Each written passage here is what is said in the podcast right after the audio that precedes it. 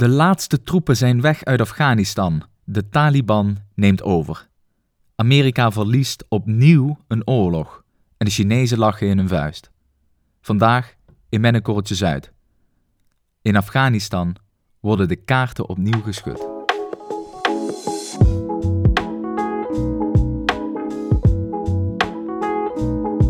Dit is Met een Korreltje Zuid.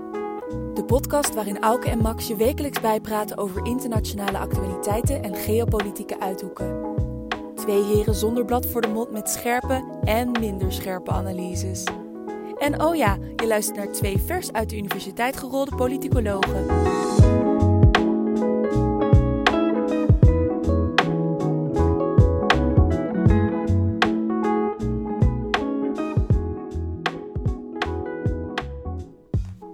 Max, deze week vertrekken de laatste Amerikaanse soldaten uit Afghanistan. Die hebben daar een jaar of twintig gezeten.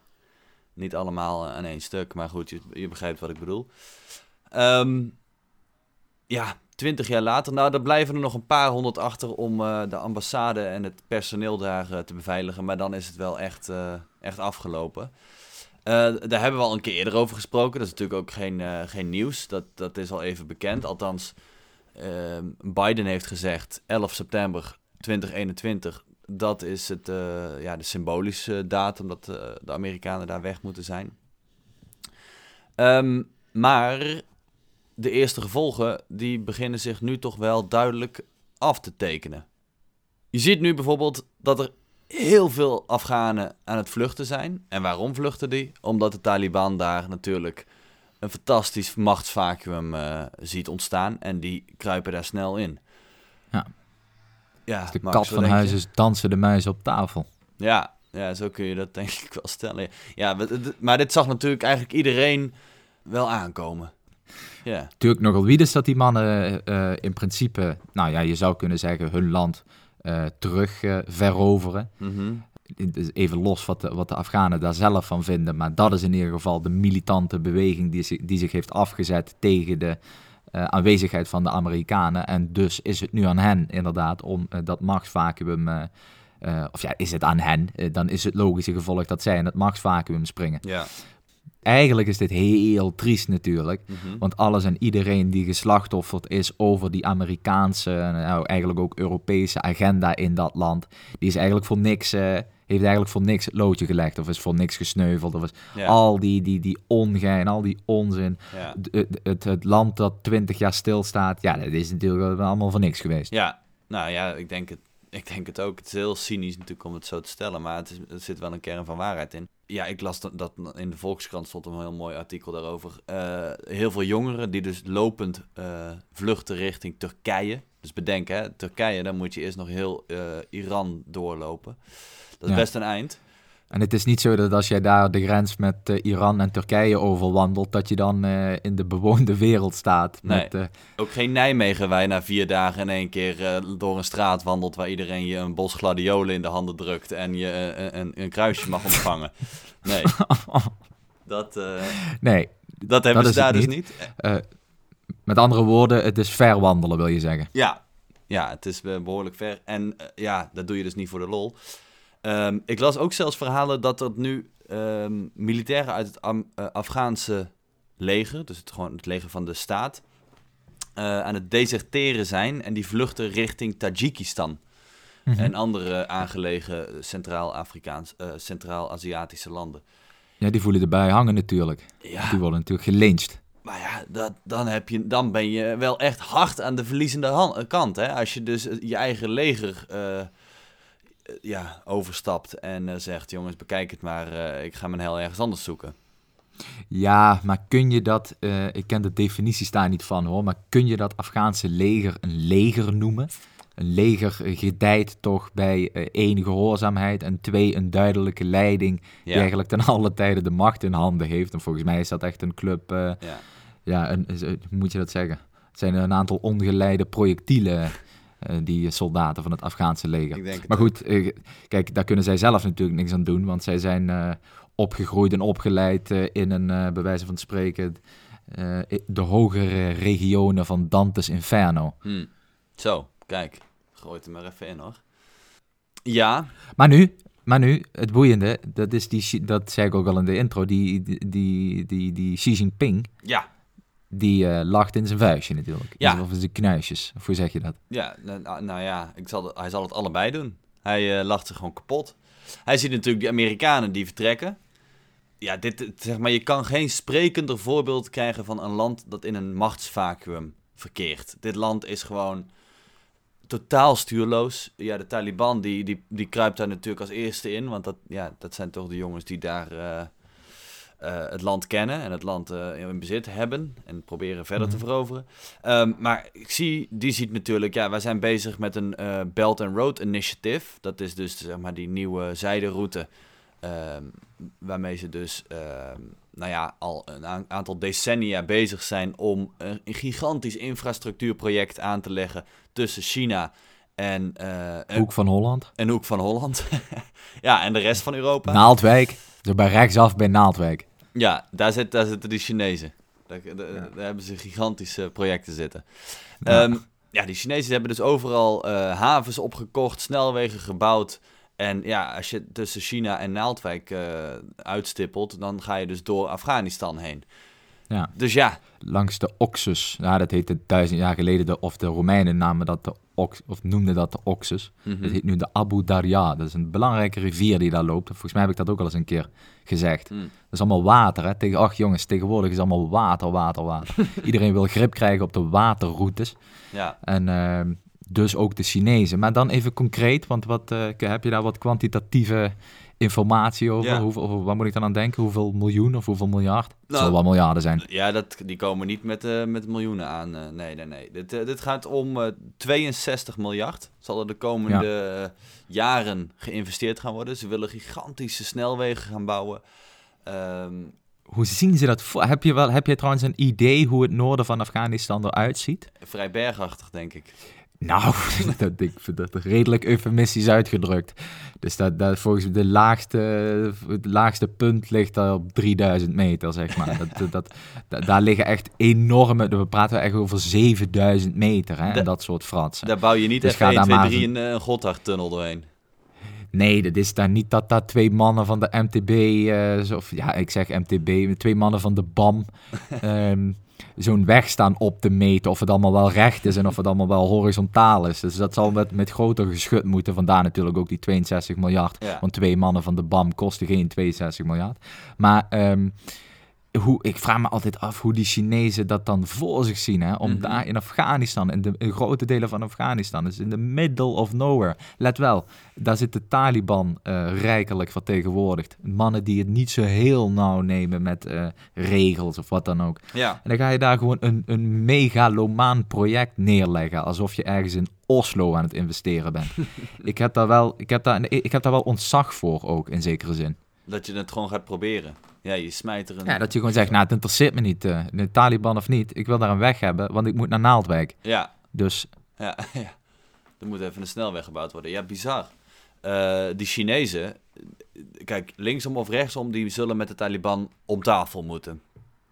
En je ziet dus, eh, wat ik wel schrijnend vind, of wel tekenend vind, is dat die Chinezen er dus, die doen daar helemaal, helemaal niet moeilijk om. Hè? Dus die Amerikanen, dat was helemaal een ding, dat die eindelijk na, wat is het, 15 jaar, hadden ze eindelijk eh, een keer bedacht om met de Taliban te gaan spreken. En met die jongens om tafel Mhm. te gaan zitten.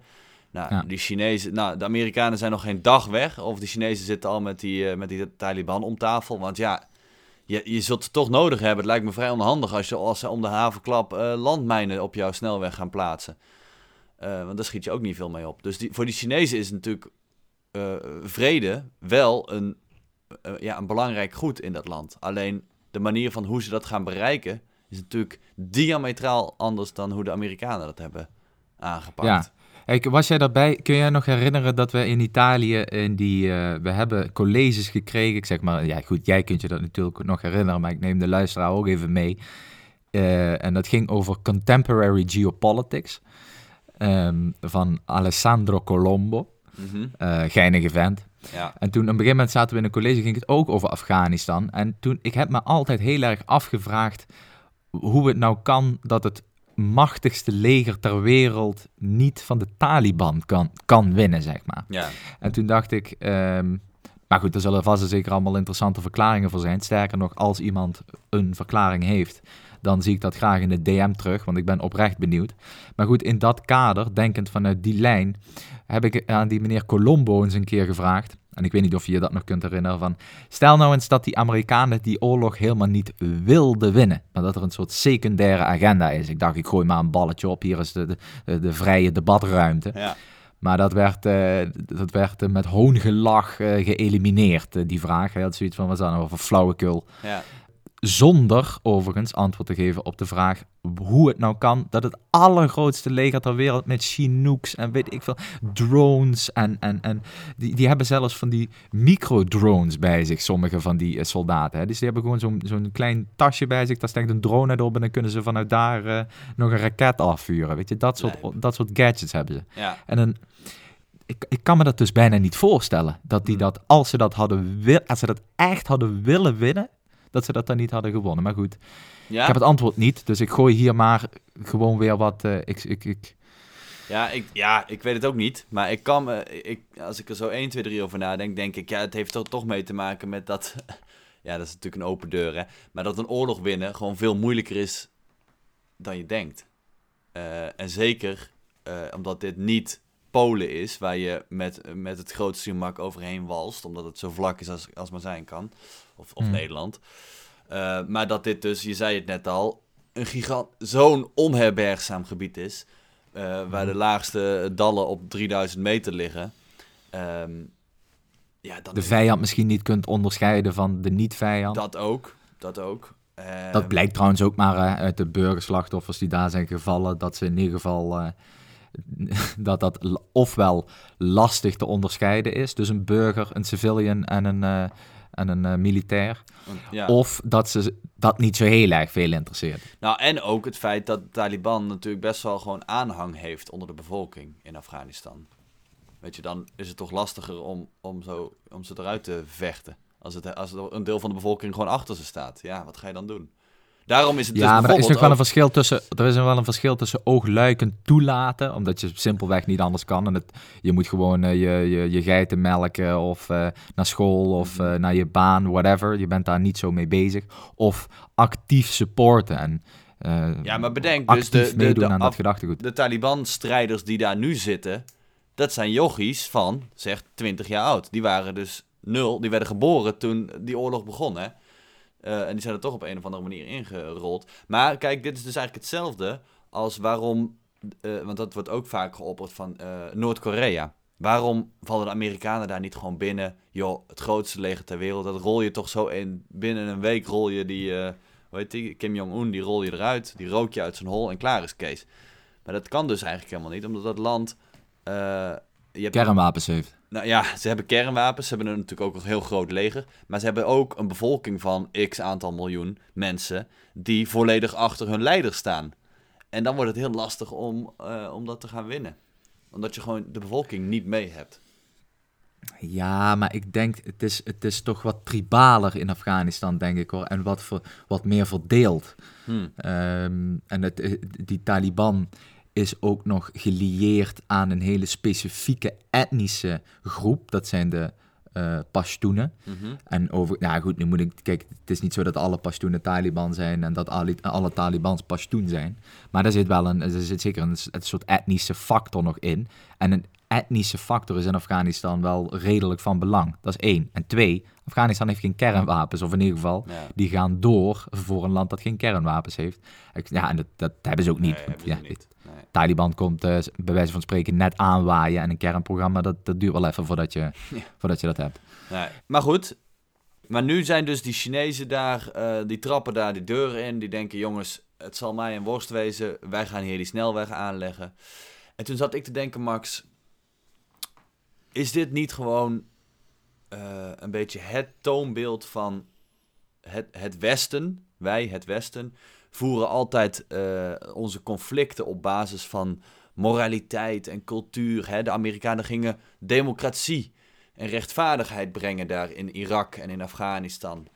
Nou ja, of het christendom. Precies, twintig jaar. Ja, ja, ja, ook dat, zeker. Uh, twintig jaar later, niks van terecht gekomen. De Chinezen, die trappen daar binnen een week de deur volledig plat. Die wandelen naar binnen, die kijken die Afghanen aan, die zeggen: Jongens, als jullie de hele dag aan je baard willen pluizen. of je wil je vrouw eh, vertellen dat ze weer iets nieuws moet gaan koken. Be my guest, weet je. Dat, dat maakt mij niet uit. Als er maar een snelweg gebouwd gaat worden. Hier heb je een zak, een zak uh, Chinese yen of Amerikaanse dollars, weet ik het. Renminbi's. Ze komen, ja, ze komen met een zak geld aan. Uh, ze zeggen, jongens, ja, wat jouw cultuur is, jouw moraliteit, jouw normen, jouw waarden, dat boeit me echt geen hol. Als er maar gebouwd gaat worden en als er maar centen verdiend, verdiend gaan worden. Is dat een, is, is, zeg maar, dat is een beetje mijn idee. Is dat niet het een beetje? En nou ja, en eigenlijk omdat. Ja, daar worden ze vaak van beticht, hè? En de beticht ik ze trouwens ook van. Mhm. Van uh, ja, dat ze, dat ze, ja, dus dat ze veel transactioneler zijn. Ja, en ik denk, nou ja, ik wou hem dus even afsluiten. Ik denk dus dat dat eigenlijk wel de reden is dat op de lange termijn, geopolitiek gezien, de Chinezen het van de zaakjes ons, het Westen, gaan winnen. Die jongens die, die zijn helemaal niet zo bezig met die wokeness. Wij zijn, wij zijn allemaal woke bezig in, in Europa en in Amerika. En dat is ook goed, daar ben ik het helemaal mee eens. Hè? Maar ik denk dat je daar dus op de lange termijn geen, ja, geen geopolitieke spierballen mee, ja, spierballengevecht kan winnen. Ik moet trouwens denken, ik, ik ga proberen een antwoord te geven trouwens op wat je zegt, maar even een klein zijstraatje. Ik moest denken aan uh, een filmpje dat ik net zag van um, Elon Musk. Die zei, wat zitten we hier nou met z'n allen te, te, te, aan te morrelen en te voorspellen wat er in de toekomst gebeurt. Terwijl 99,999% van de voorspellingen over 2050, en let wel dames en heren, dat is over 29 jaar, dus echt niet zo'n hele heftige horizon, dat die toch fout zullen zijn. Omdat zeg maar, die tijd exponentieel versnelt in termen van wat we allemaal nog gaan uitvinden en gaan doen en met wat voor ideeën we komen en noem het allemaal maar op. Uh, als ik zo'n filmpje zie, dan denk ik altijd, ja, wij met, met een uit. Misschien dat als wij in 2050 terugluisteren, dat we, nog, we waren de hele tijd aan het, uh, aan het soebatten over landjes en natiestaten en dat, die ideologie en die cultuur en bla bla bla. Terwijl nu zitten we met z'n allen op Mars of een willekeurig ander, uh, ja. willekeurige andere planeet of sterrenstelsel, weet ik veel. Ja. Een beetje na te, na te denken over hoe we ons 2,5 jaar hebben bezig gehouden met wat de Grieken dachten over dingen. Maar goed. Nee, mag uh, ik daar eens op inhaken? Even iets, iets ja. een kleine, ook weer een kleine sidetrack erop, maar dat is wel heel grappig. Uh, wist je dat een van de eerste boeken die geschreven is over, uh, ja, eigenlijk over de toekomst. Dat is dus, dan, gaat, dan hebben we het dus over een boek wat geschreven is, ik pin me er niet op vast, 14e, 15e eeuw, 16e eeuw kan ook. In, in Italië, geloof ik, boek geschreven van iemand die, die ging beschrijven hoe de wereld er over 500 jaar uit zou zien. En het grappige is dus dat hij in dat boek nul technologische verandering omschrijft. Dus de wereld, technologisch gezien, ziet er in dat boek nog steeds hetzelfde uit over 500 jaar. Er zijn wel verschillen met cultuur en met opvattingen en met uh, ja, dus de sociale constructies, maar nul verandering wat betreft uh, technologie. Want dat komt omdat destijds was er natuurlijk nog geen industriële revolutie geweest. En als jij in de 14e eeuw leefde of in de 16e eeuw, technologisch gezien zag jouw leven er ongeveer hetzelfde uit. Er veranderde gewoon niet zo heel veel. Heel de middeleeuwen lang is er ook geen drol veranderd.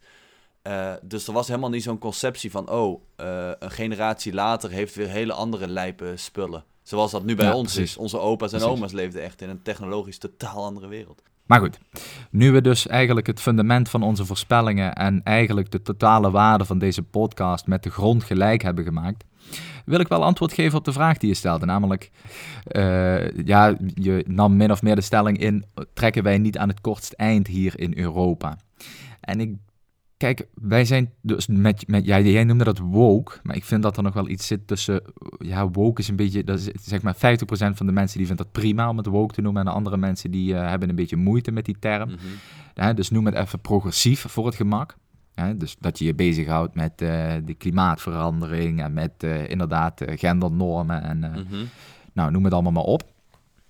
Kijk, wij zijn wel gewoon een groot blok nog steeds, hè? het progressieve blok. En dan heb ik het even over eh, de Anglo-Saxische wereld en de grote delen van Europa. Ja. Um, en dan heb ik het, uh, dus en in military power en in soft power nog steeds. Hè, want hè, let wel, we zijn wel uh, gewild.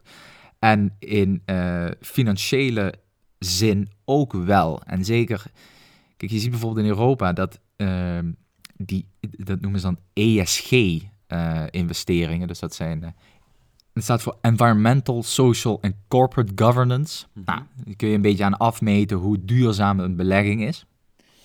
Um, en dan moet je dus denken aan het thema. Het zijn mensen die in bepaalde thema's beleggen. Weet ik veel, duurzame thema's, robotica, batterijen, noem het allemaal maar op. Nou, om dus hè, die klimaatverandering tegen te gaan, om uh, ja, onze heil te zoeken als het ware in de, in de techniek of in de, in, de, in, de, in, de, in de bosbouw, ik noem het maar op.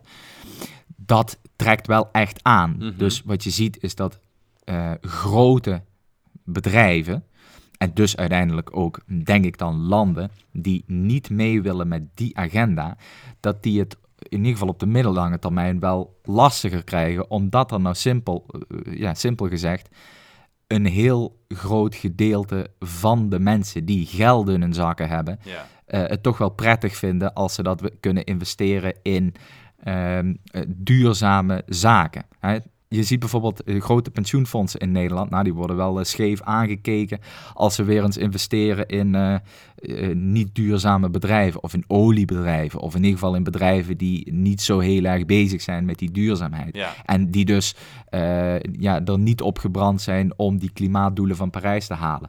Nou ja, als we dat allemaal maar erg genoeg vinden dat die er zijn. En als we het allemaal maar hinderlijk genoeg vinden dat mensen daar geld in steken. Nou, dan komt wel een soort beweging op gang. En dat zie je nu heel sterk, want die toename in geld dat wij als, als, als continent en als westerse wereld spenderen in die hoek, ja, dat is enorm. Mm -hmm.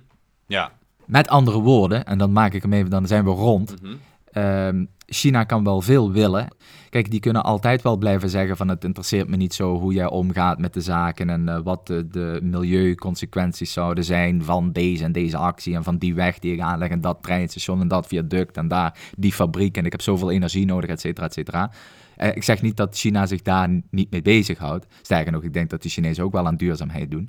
Maar dat is eindig, hè, dat verhaal. Op een gegeven moment hmm. gaan we tenminste dat is mijn voorspelling, gaan we met z'n allen naar een, een, wereld waarbij we toch meer rekening met elkaar moeten gaan houden, omdat we het simpelweg anders niet kunnen rooien. En daar zal de Chinese economie in ieder geval op termijn uh, wel uh, problemen van gaan ondervinden. Ja. Ja, maar goed, je hebt natuurlijk wel te maken in Europa met een aantal landen. Ik noem een Italië, de Baltische Staten. Die hebben gewoon te maken met de bevolkingskrimp. Dus die zijn aan het, ja, die zijn, de bevolking is aan het afnemen. China daarentegen, ja, 1 miljard, 1,2 miljard, ik weet het niet eens precies. India begint ook steeds kapitaalkrachtiger te worden.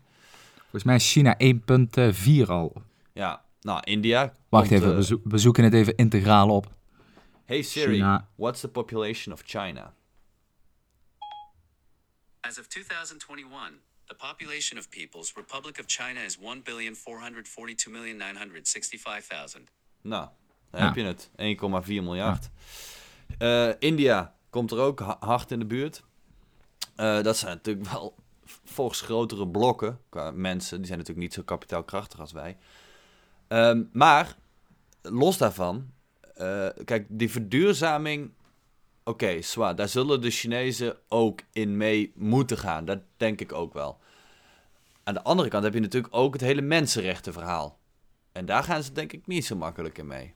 Hetzelfde. Ja, dat schaar ik daaronder. Dat is dus die, dat is van het ESG-verhaal is dat natuurlijk S. Je moet dus so, sociaal. Ja, ja. Je kan niet.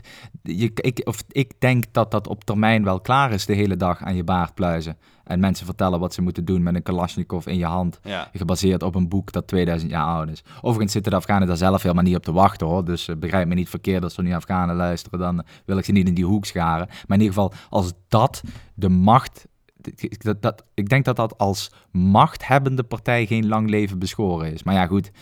Ja, geen lang leven. Dan hebben we het over. Uh, dat is, deze eeuw zal dat klaar zijn. Oké, dat denk jij. Misschien heb je gelijk. Ik hoop eigenlijk wel dat je gelijk hebt. Want het. Uh, ja, ik vind het er allemaal nog niet zo rooskleurig uitzien. Die Chinezen, volgens mij. Uh, vooralsnog hebben, laten die echt geen, geen steekje zien van dat mensenrechten ze interesseert. Hetzelfde zie je in, in het Midden-Oosten trouwens, natuurlijk. Met eh, nou ja, de, de, de, het WK wat er volgend jaar aankomt, waar die eh, arbeidsmigranten volledig de dood, allemaal de dood hebben gevonden. Een groot deel. Mhm.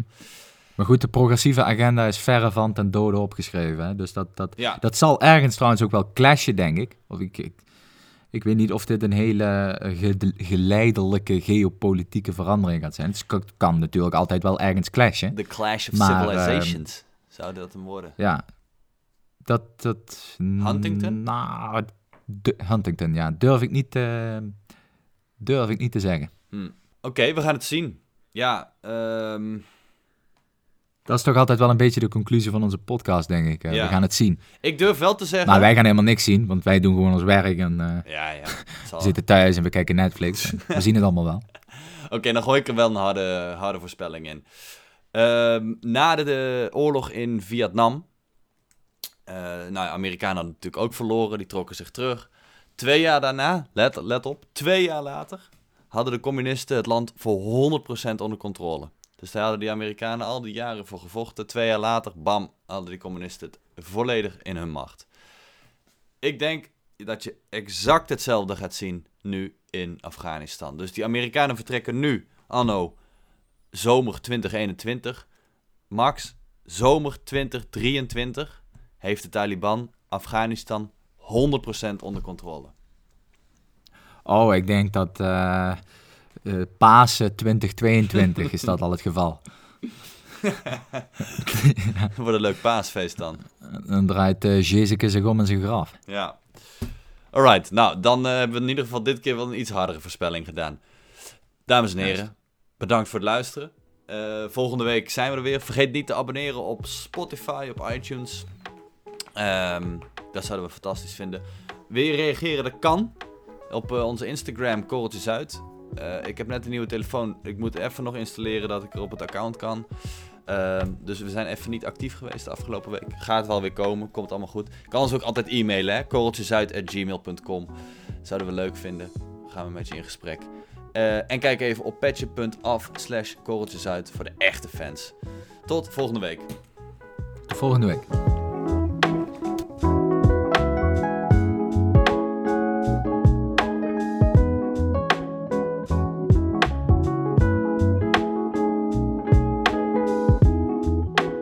Deze podcast werd gepresenteerd door Max Severijns en door mij, Auke Roos.